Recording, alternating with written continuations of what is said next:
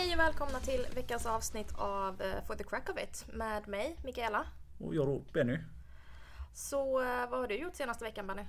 Har du, nu har det varit mycket, mycket på G Mm. faktiskt. Dels lite semester. Fick det trevligt här efter påsken och sådär. Mm. Men också lite utbildning faktiskt. Uppe i Stockholm en vända. Just det. Så det, det, det, var, det var riktigt givande faktiskt var det. Det enda man märker av är att man, det var länge sedan man satt i föreläsningssal där så att man blir lite dåsig. Så här från ett så farbrorsyndrom att man orkar inte riktigt med att lyssna på föreläsningen en hel dag utan att man är lite, lite färdig sen efteråt. Men det var, det var, det var trevligt faktiskt. Så det var bra. Vad har du själv gjort för någonting då? Uh, ja, men det har varit fullt upp. Jag har ju inte haft påsklov. Utan jag har ju fortsatt jobba på. Hade lite en lätt förkylning. eh, som hämtade mig från ganska snabbt. Så det var ju skönt det. Annars har det varit mycket jobb och det var ju en fruktansvärt härlig eh, påsk med vädret och så. Mm, definitivt. Så det var mycket sånt. Och för er som inte känner Mikaela så att när Mikaela är sjuk så är det för att hon jobbar jämt.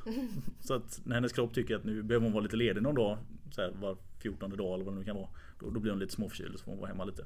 Ja, lite så. Det är kroppens sätt att eh, säga shutdown. Shutdown, ja precis. Inget mer. Inget mer. Men vad lärde du dig på, eh, på utbildningen då? Lärde du dig någonting? Jag skulle vilja säga massor. jo, alltså det, det var en, en riktigt bra utbildning faktiskt. Det var det. Den hade lite olika delar. Så att det var ju för ovanlighetens skull om man säger så inte samma kanske föreläsare under hela utbildningstiden som det gärna kan vara annars. Mm. Utan det var lite olika och det var kretsade mycket kring om man säger evidensbaserad behandling som det pratas mycket om just nu. Just det. Så det, det var liksom det det var uppdelat i. Mm. Vi hade lite olika föreläsare som liksom pratade om ja, olika saker. Kan man säga. Nu så här kom, Det är vi. generiskt och bra. Ja, Genetiskt, ja, precis, exakt. Men det var dels två, ja, två forskare från eh, både USA och Kanada kan man säga. Mm. Som pratade lite grann om hur det ser ut. Framförallt då Ian som var den sista föreläsaren som vi hade. eh, Pratade om just hur man behandlar på ett återkommande sätt patienter som inte riktigt blir bra. Alltså ländryggsmärtepatienter som inte kan bli botade utan de lever med ett konstant smärtsyndrom Mm, som de aldrig mm. blir av med. Så hur man än gör så de blir inte av med det utan man ska försöka att se till så att de får ett så smärtfritt liv som man bara kan egentligen. Så god livskvalitet som möjligt. Ja exakt. Mm. Och då visade ju den forskningen de gjort där som var en väldigt stor studie på att just kiropraktik eller det omhändertagandet gav väldigt goda resultat på just den patientkategorin i alla fall. Mm. Vilket var väldigt bra. Nu ska tilläggas att just Ians föreläsning här den var på lite drygt en timme och en kvart. Men hans material när det gäller slides och dylikt och jag ska inte ens säga att det var säkerligen fyra timmars material som, Oj. som trycktes ner i den här timmen och en kvart då. Och alltså det tempot han höll med liksom prata om det här. Det var något så helvetiskt snabbt var det. Så Det är som när man råkar klicka gånger två och en halv på en Youtube-video. ja, alltså, inget illa ment mot honom som föreläsare överhuvudtaget. Utan det kändes bara som att det var otroligt mycket material som skulle gås igenom. Jag tror inte han lyssnar på den här podden. Jag tror han lyssnar väldigt... Nej det var nog rätt men det var väldigt mycket information, väldigt kort tid. Man kände sig otroligt mossig i huvudet precis efteråt eftersom det var så mycket som skulle gås igenom. Mm. Annars var det väldigt bra. Och så förutom då Ian så hade vi även eh, Danielle, eller Daniela från Kanada. Hon tillhörde ett förbund där, nu jag kommer inte ihåg exakt namnet på det förbundet hon tillhörde men de har tagit fram riktlinjer i alla fall för hur man ska jobba evidensbaserat på olika kliniker i just Kanada då framförallt. Det, Okej. Och det här gäller ju Så att man standardiserar arbetssättet mer eller mindre. Lite åt det hållet i alla fall. Just att man ska, och lite kring hur man ska samla information kliniskt för att kunna ja, bedriva forskning och sådana saker. Så det var också bra. Mm. Men eh, ja, som med allting annat så det, det blir väldigt mycket struktur. Och om man inte jobbar efter den strukturen kanske själv helt och hållet så vissa delar kan vara lite svårt att ta till sig och se hur det praktiskt skulle lösa sig Alltså innan man har provat egentligen va. Mm. Men det var ändå intressant att lyssna på. Var det. Och det var, det var ju de alltså, engelsktalande föreläsningarna då som var andra dagen egentligen. Just det. Och sen hade vi då ja, Dels lite första dagen så hade vi en... en eh, Det är höll- skönt att du går baklänges. Ja, jag, jag backade lite.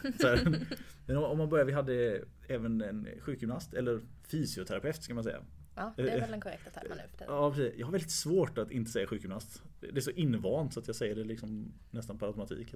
Det, Gamla hundar och lite. ja precis, gamla, gamla hundar. Inte vem jag sa men, men eh, Joakim Höjer eller någonting sånt. Mm. Och det var, vi jobbar ju ganska mycket med rehabilitering både du och jag. Så att Ja. mycket av det som han tog upp var kanske lite re, alltså repetition om man säger så. Typ sparka in en öppen dörr. Ja, lite, lite sådär. Men jag tyckte fortfarande att det var en väldigt bra föreläsning. Det var, han gjorde det bra. Bra slides. Var trevlig att lyssna på helt enkelt. Så att det var, var klart värt. Och om det är någon som är lite osäker på just rehabiliteringsbitarna så, här, så kan jag rekommendera. Han håller andra föreläsningar på andra ställen som, som kan vara, vara nog så bra. Mm. Faktiskt. Så Joakim fysioterapeut väldigt bra. Vi kan väl se om vi kommer ihåg att länka till honom då. Mm, det kan vi göra. På Växjö Kiropraktorklinik. Och sen eh, dag nummer två inleddes med en splittad föreläsning. Egentligen. Och det är så att man, halva gruppen hade en lyssnarföreläsning som är traditionell som man alltid har. Och den andra så hade man lite eh, fysiska grejer som man fick göra lite praktiska moment. Och det var mycket av den här reben då som vi hade pratat om precis innan, eller dagen innan som vi hade då tillsammans. Skulle ha varit med, med Joakim men istället så var det vår kära kollega Fredrik Borg som höll den istället.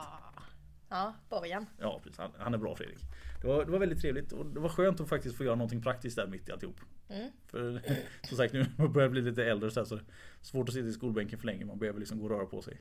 Likväl som att man, jag måste välja en eh, så här, outer lane när man sitter i föreläsningssalen för att kunna fälla ut knäna. Så kan inte se, för att jag måste på toa så frekvent. nej, inte riktigt still utan bara gamla idrottsskador så knäna mår lite dåligt av att sitta böjda för länge. Så inte riktigt så mycket farbror som man kan tro, men eh, nästan. Det är inte prostataproblem än. Nej, nej, nej inte där. Framförallt inte på en eh, så här, två timmars föreläsning. det, det kan, där kan jag hålla med. Så att Ja, men det är skönt i alla fall. Mm. Och sen hade vi då kanske den jobbigaste delen på hela föreläsningen. Och det var Mesh-termer med Filip Gedin och Cecilia Landberg. King and Queen av Mesh i Sverige. Mm, så här. Anledningen till att jag låter lite bitter här är ju för att jag mitt i den här lilla ja, föreläsningen som de hade inser att när jag själv skrev min C-uppsats så var jag inte alls lika duktig på att eh, använda de här sökmetoderna som de gjorde. Alltså så att man kan sålla ner antalet artiklar eller dylikt som man ska läsa igenom. Så att hade jag bara varit lite bättre på det här så hade jag ju kanske sparat mig själv ett halvår med artikelläsningar och sånt där. Det är ju Istället. kul på två sätt. Ja. Dels du har dyslexi så det är svårt att läsa. Ja, ja precis. Alltså det är jobbigt. Ja, exakt. Men också så här. PubMed har, om man använder sig av PubMed som sökmotor, eh, som många gör när man söker studier. Det finns ett sökfält. Det är högst upp. Det är det första som finns. Ja. Fast nu var det här lite mer avancerat än så. Vill Ja, jag, ja. vill jag Okej. åberopa i alla fall. Ja, jag vet. Och jag ska säga att det, det är ytterst ogrundat att det nu faktiskt tycker lite illa om Filip och Cecilia. Så, så, så, här, så här i efterhand för att de får mig inse mina egna brister.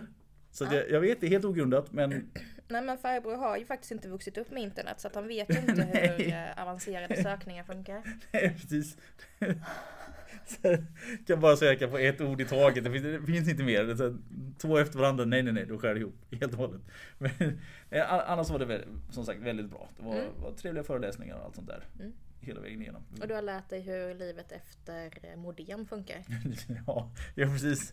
Det, man kan söka med två ord istället för ett. När man ska söka material. Ja, allt sånt som är bra. Men det, ja, man ska väl inse sina egna tillkortakommanden då och då kanske. Det, det skadar inte. Nej, det är jättebra att du hittade dina. Ja, precis.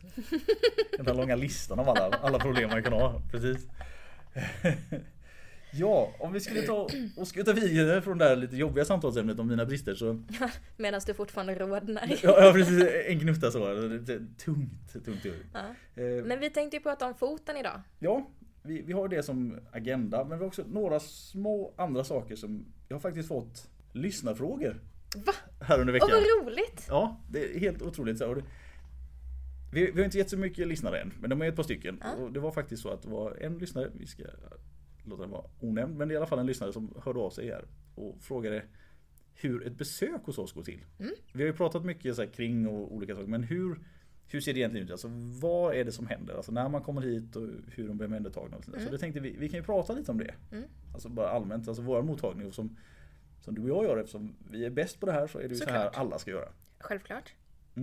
Och tittar man på våra kalendrar som bokat så har vi ju bestämt oss för att vi kör ju en typ av besök alltid. Vi har ju alltid 30 minuters besök oavsett om det är första gången eller hundrade gången som man kommer hit. Precis. Så, så är vi alltid samma. Och det börjar ju som så många andra, att man hämtas upp i väntrummet här ute, man får komma in och sen så tar vi då en anamnes egentligen. Precis. Ehm, Man börjar prata helt enkelt och lära känna med hjälp av samtal vad patienten vill ha hjälp med och, och känna, eller känna, men Tjena. ta reda på andra fysiska åkommor eller besvär som, som vi skulle kunna länka ihop till det patienten söker för. Mm. Jo men det, det är sant.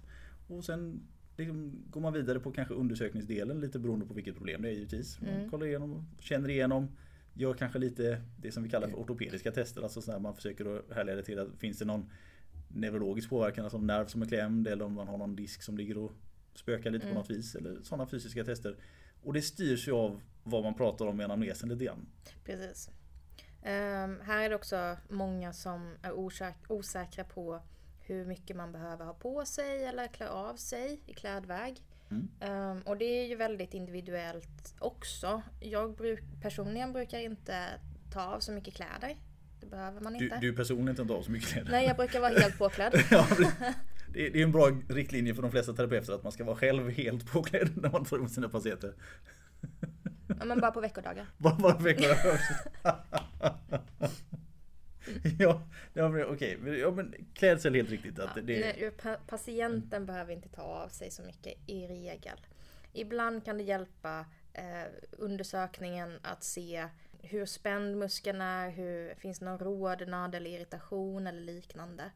Eh, sånt kan underlätta att man ser huden. Men Precis. i regel så behöver man inte ta av sig, hos mig i alla fall. nej, jag har ju lite samma princip också.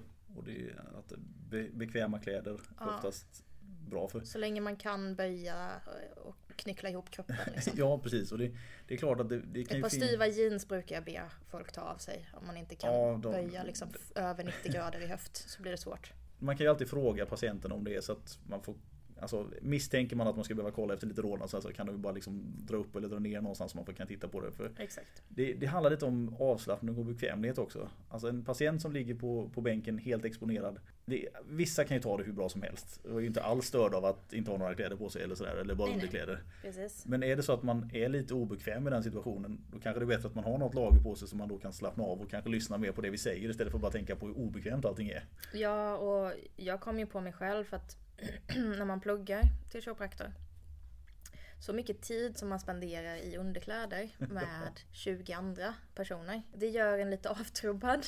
ja, helt klart. Man, blir, ja, Eh, så lite att- mer cavalier med sin klädsel på det Ja, sättet. och det blir lätt att jag personligen kommer på mig själv att jag glömmer bort att person, patienten framför mig kanske inte är riktigt lika bekväm som jag Nej, i den situationen. Ehm, och då är det svårt ibland att eh, komma ihåg. Kommer jag ihåg? Ja. Kanske. Kommer, Ja. ja. det- var det ju Att det dubbelt är här. ja, det, ja, precis. Jo, men är man inte själv obekväm så är det lite svårt att tänka sig in i en annans obekväma situation. För att det kanske Exakt. inte faller så naturligt att, ja, vad jag tror att han är obekväm. kanske man inte nej. känner så. Precis. Ehm, men, men det Ja, kläder eller inga kläder, det, det är egentligen upp till patientens egna eh, bekvämlighetsgrad Mm, jo, precis. skulle jag säga. Exakt. Nu drog vi undan lite men, men eh, efter att man har gjort en undersökning då och gjort sina tester. Ja, då är det ju behandlingsdelen i sig. Alltså, och där är en liten kombination där också. Lite kanske kiropraktiska manipuleringstekniker, lite stretching, lite triggerpunktsbehandling kanske beroende på vad som behövs. Och sen när liksom själva behandlingsdelen är färdig så har vi ju genomgången och kanske rehabilitering då. Alltså övningar. Vi skickar ju ofta ut lite, lite program via mailen och sådär på saker vi har gjort. Försöker Just få det individanpassat som vi har nämnt tidigare. Så, Ja. så ser ett besök ut och det brukar vi då försöka klämma in på en 30 minuter. Precis. Eh, värre än så är det inte. Bra, det var en liten sidfråga. Vi, vi har fått en till. faktiskt. Jaså? Ja, en liten till. Och det var... eh, det, här, det är en kompis till mig som frågade varför vi inte har gjort det här till en videopodd. Utan varför vi Ah. bara har det på alltså, en radiopodd eller talpodd som man säger. Ja. Och det finns en väldigt, väldigt simpel förklaring. Och det är, innan vi började med det här så uttryckte Mikaela ett väldigt snabbt eh, åsikt om att mitt ansikte är mer ett radioansikte. så, Så för att inte tappa för mycket lyssnare så håller vi oss till radio för att det, det spelar utseende mindre roll. Åh, oh, vad jag låter osympatisk. Oh, Jesus. Benny Radioface Ragnarsson. Skämt åsido så här, Nej. den, den, anledningen till att vi fick den frågan var just med, med de övningar som vi publicerade. Att de tyckte att det kunde vara lite lättare om vi hade kunnat visa dem fysiskt. När vi Det är dem. faktiskt sant. Och jag har tänkt tanken.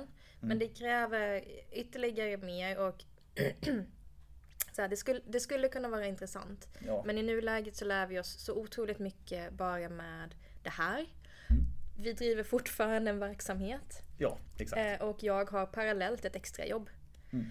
Så när tid och möjlighet finns eh, så, så kanske vi ändrar till eh, och går över till någon form av videopodd och, Mm. och kan göra båda två parallellt. Men i nuläget så på grund av bristande tid och energi kan vi väl säga. Framförallt energin tror jag. Ja, eh, så väntar vi med det och försöker lära oss så mycket som möjligt av den här processen för att göra ett så bra jobb med det här det Mm. går. Försöka hålla det intressant och sådär. Exakt. Så är det mm. Åter till foten Ja, var det det vi skulle prata om idag. Precis. Och Vi har ju ett, några olika problem vi ska prata om.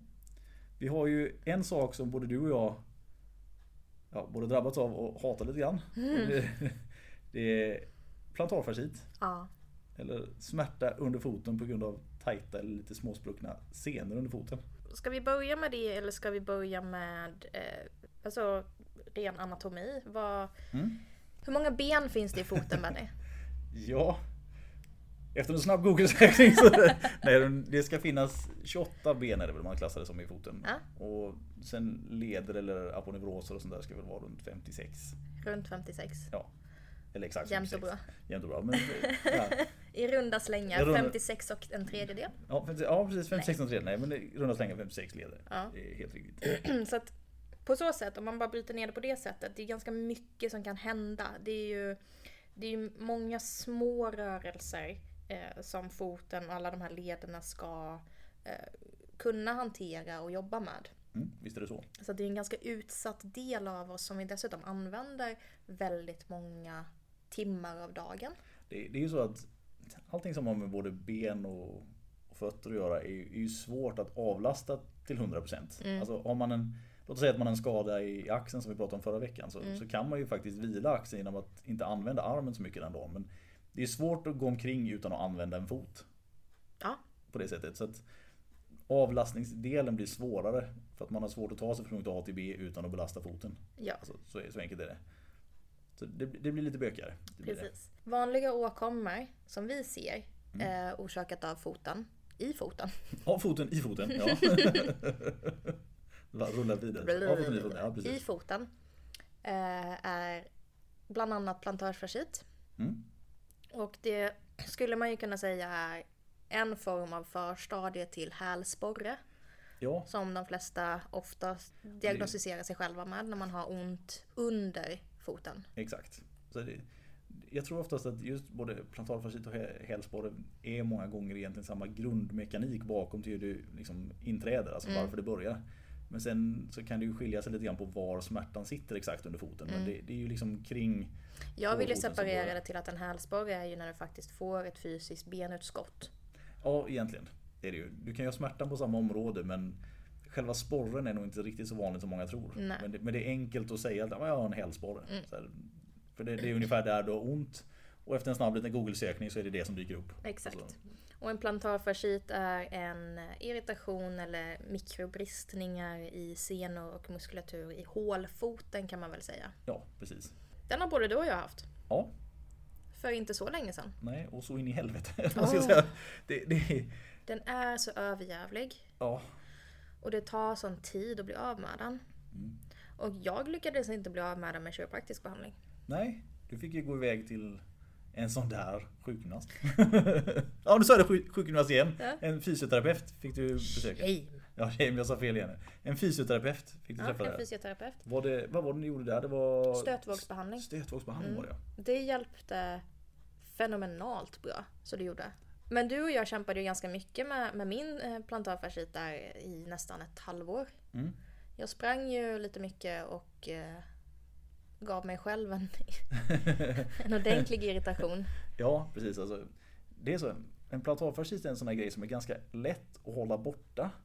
Men väldigt bökig att få bort. Mm. Om man säger så. Så att det bästa är att försöka undvika ett inträde. Ja. Så är det väl med alla saker, vi säger att det är bättre att låta bli. Men när det väl har kommit hit så, så är det svårt att få den här läkningsprocessen att hålla. För man drar upp det så förbaskat lätt hela tiden. Mm. Så, ja. Ja, på, för mig så, så gick det till den milda grad att det kändes ju att jag, som att jag stretchade min hålfot varje gång jag tog ett steg. Mm. Och då är det ju inte jättebra. Nej, man utvecklar en sån här Charlie Chaplin eller pingvingång. Att man, man vill inte riktigt rulla över tårna utan man vill gå liksom mer utåt med fötterna för att då drar det inte lika mycket. Exakt. Men um, några behandlingar av stötvåg så lindrade det efter sex månader av knak och brak och triggerpunktsterapi och stretching och, och sådana saker. Så det, det rekommenderar jag faktiskt till eh, många av mina patienter som kommer in med eh, plantarfascit eller liknande symptom.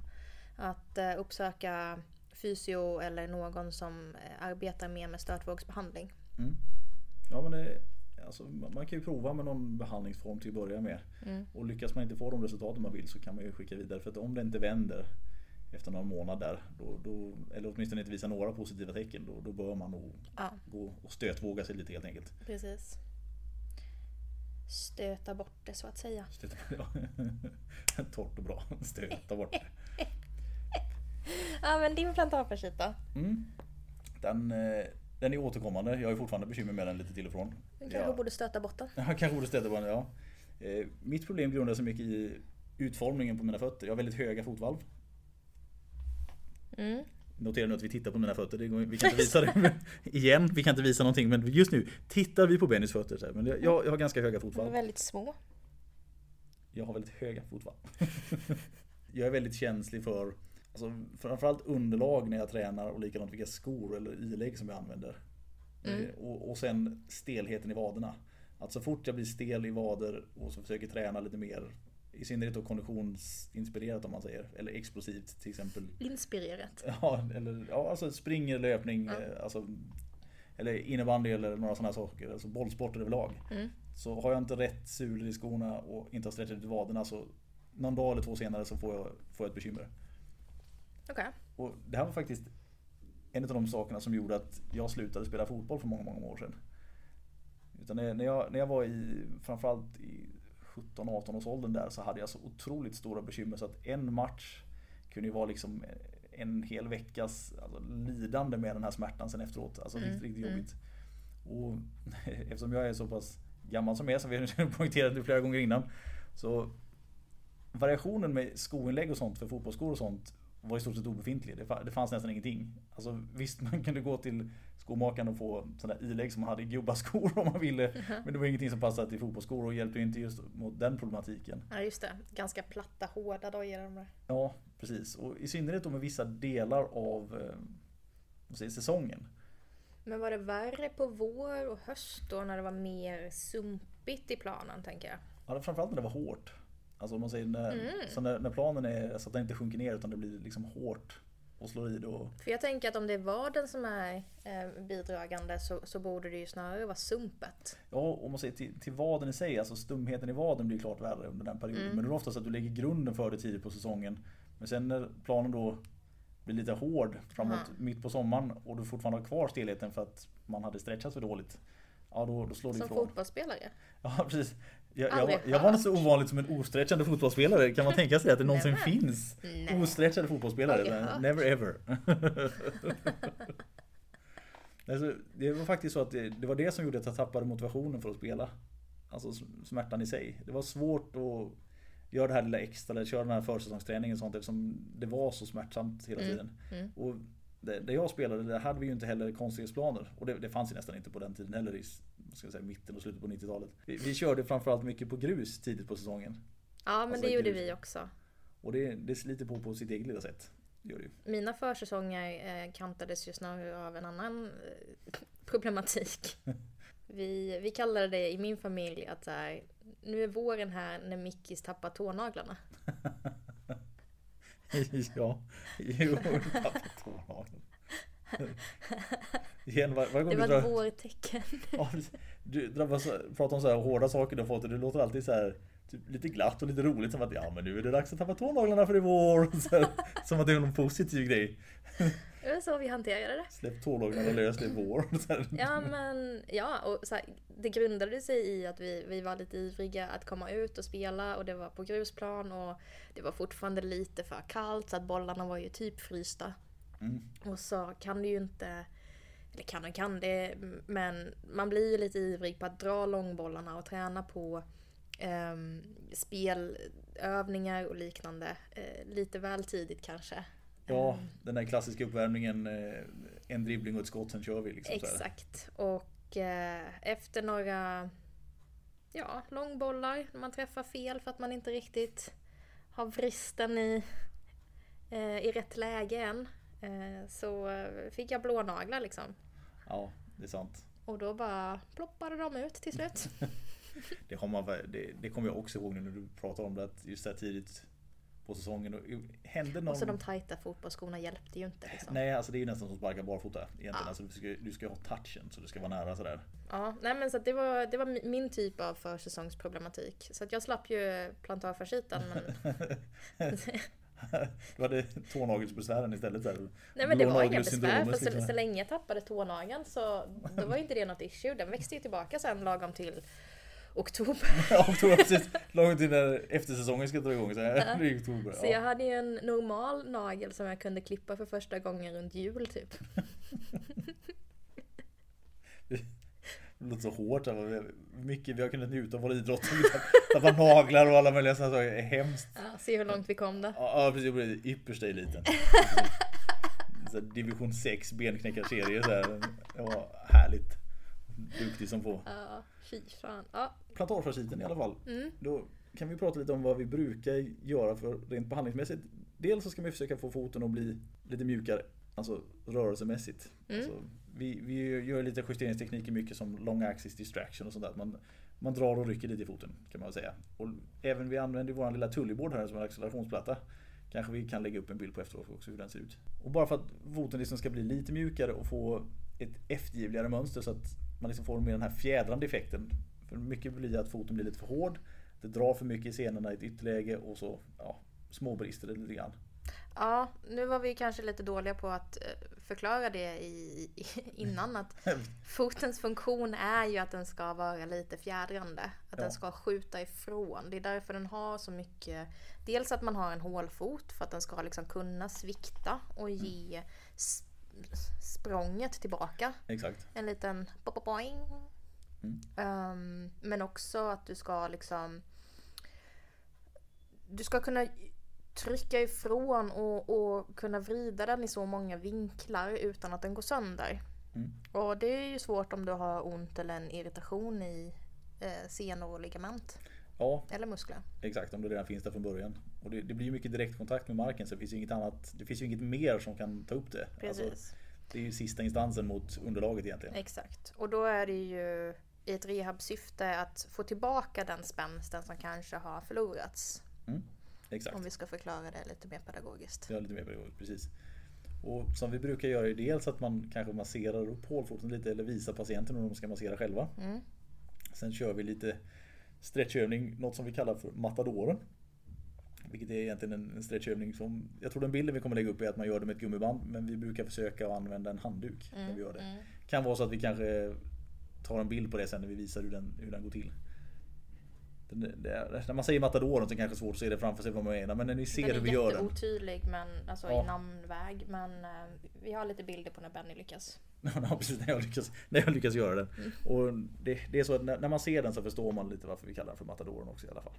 Men det, Nej, det tycker inte du heller? nej. O- Okej, men bilderna blir bra ändå.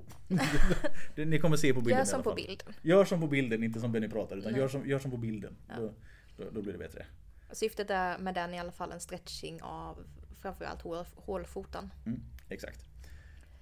Sen har vi ju lite olika typer av eh, såna här greppövningar som man använder. Alltså att stå Mm. på en handduk, greppa tag eller en liten pappersbit om man så vill. Alltså någonting som gör att man får aktivera fotens, hårfotssituation egentligen. Alltså att man greppar och, och rör på den lite grann. Precis, eh, och det är ju typ Som att man greppar tag i handduken och knycklar ihop handduken under foten. Exakt. Och sen så tar man ett nytt grepp. Och Exakt. man vill ha in så mycket av handduken under foten som möjligt. Mm. Och det är ett sätt att träna fo- hålfoten. Har man nu, trots om man nu sköter allting sånt där bra, så kan det vara tvunget att skaffa lite skoinlägg eller någonting sånt för att liksom avlasta ordentligt. Mm.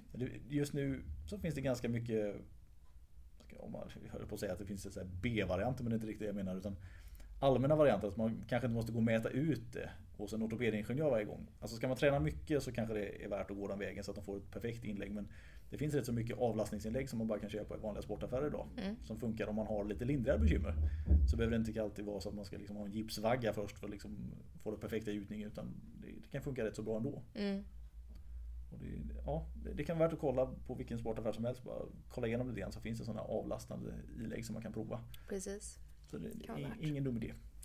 Och om ingenting annat hjälper, if all else fails så att säga, testa stötvåg. Mm. Det har gett goda resultat via, enligt studier. Det gav mig jäkligt bra resultat. Så Stötvåga helt enkelt. Ja, men det, jag tror det kan vara värt. Framförallt om du har haft ihållande och inte, inte får det att lägga sig. Utan Exakt. inte liksom fortsätter. Då, Mm. då, då kan det vara bra.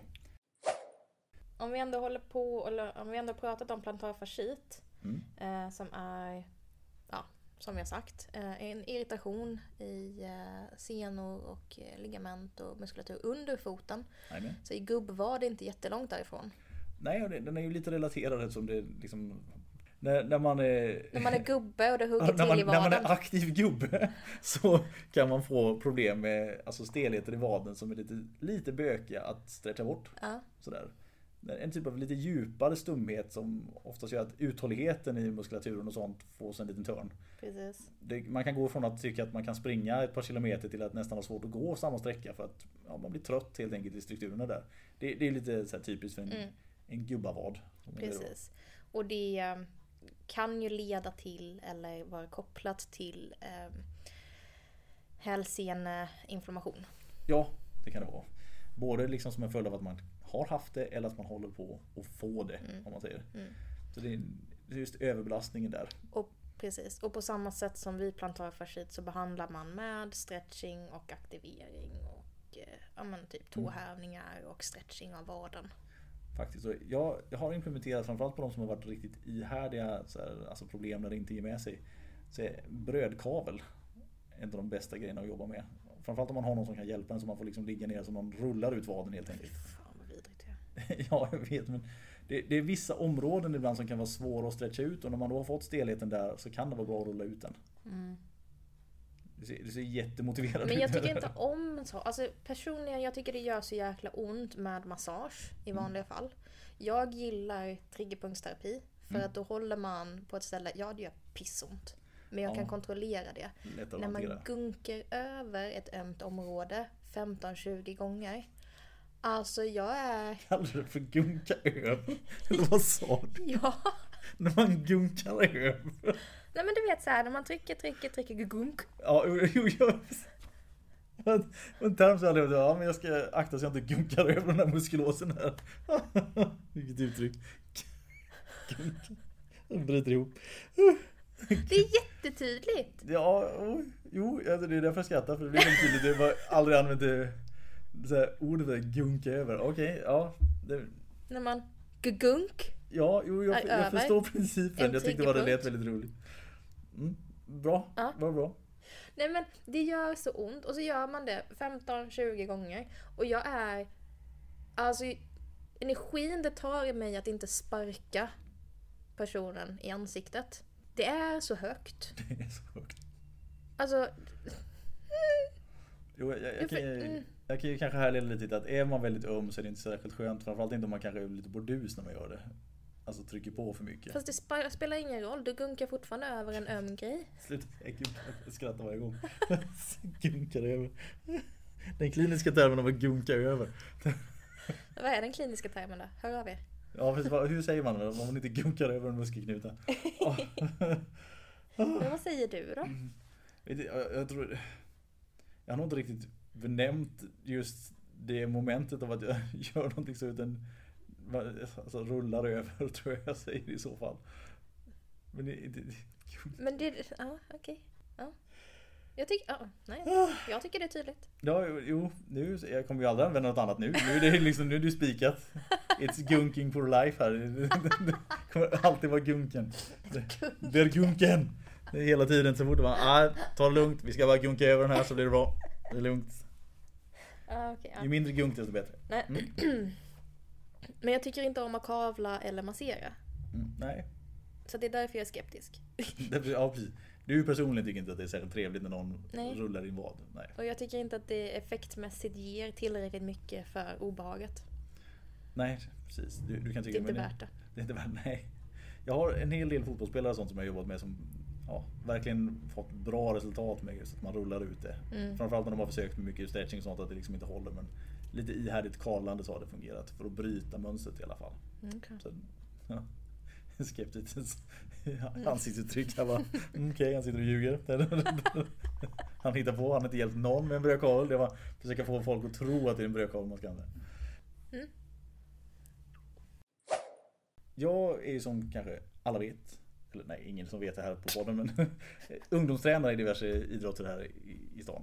Så att jag är både fotbollsledare, Du, du är lokalkändis ja, så att ja, säga. det. fotbollsledare, handbollsledare, har tidigare varit innebandyledare och lite annat. Mm. Och har sett under de senaste åren ganska många utav de killarna som jag tränar, nu är det framförallt killar just de här senaste åren som jag, som jag tränar.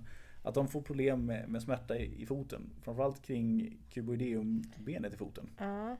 Nu ska vi säga att din son Mm. är hur gammal?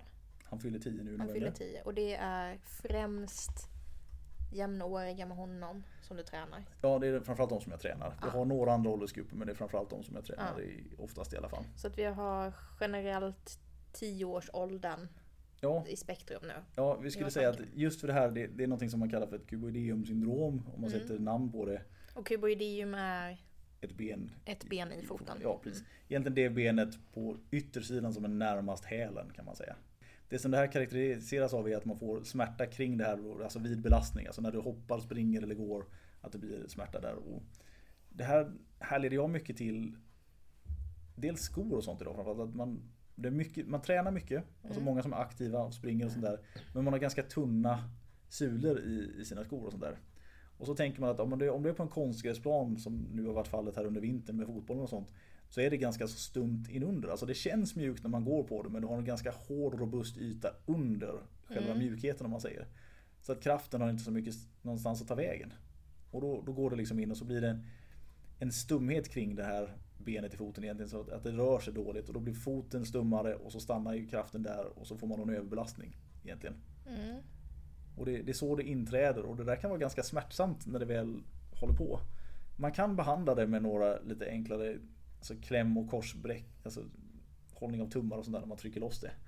Och det funkar ganska effektivt och liksom lite träning och sånt också. Men framförallt så är det att man måste få till någon typ av ilägg i, i synnerhet fotbollsskor. Mm. Jag har inte sprungit på några fotbollsskor som har tillräckligt bra innesula för att kunna hantera det här om det väl börjar. För det, många klarar sig ju, men de som väl får det, då måste man nästan alltid avlasta för att det ska sluta.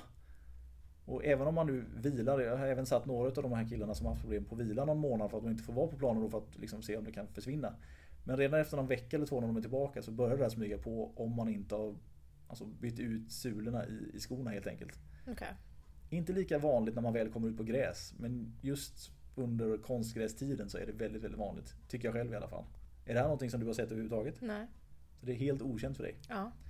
Ja. Teachable jag- moment. ja men verkligen. Och jag sitter och funderar på, det här borde ju inte vara något nytt. Nej, egentligen inte. Det, det är för att fotbollsskor har ju inte förändrats sen jag var liten. Nej, egentligen inte. Ehm, det är ju ett tag sedan. Vi hade inga besvär med det här. Förvisso spelade jag inte jättemycket på konstgräs. Vi hade inte det. Mm. Och vi spelade generellt inte fotboll över vintersäsongen. Nej, och sen är det just att det är väldigt sällan som man använder vanliga fotbollsskor på en grusplan. Utan då har man ju antingen andra typer av uteskor Ah, eller grusskor i sig. Grusskor, precis. Och de har en annan Men jag typ av tänker sula. ändå om vi släpper fotbollsskon. För att Mm. det var ju någonting när jag gick i skolan, i, i grundskolan. Så om jag tänker tillbaka, och det här kan vara fel. Mm. Men, men jag, vill, jag vill hävda att det blev, det, det blev lite trendigt med de hårda sulskorna. Alltså de här innebandyskorna. Som på, ehm, vad ska man säga? Inomhusgolv, Mm. gympagolv eller gympasalsgolv Jajamän. skulle vara dels lätta att springa på men också lätta att vrida och göra snabba vändningar på. Ja, smidiga helt enkelt. Exakt. Mm. Och att de togs upp i nästan all form av idrott. Mm, Det stämmer. Ja. Men jag har inte hört eller sett eller varit i kontakt med den här typen av eh, kuboideus syndrom. Vi pratade om det i skolan, ja. Mm. Men jag har inte varit så mycket i kontakt med det och framförallt inte hos unga individer.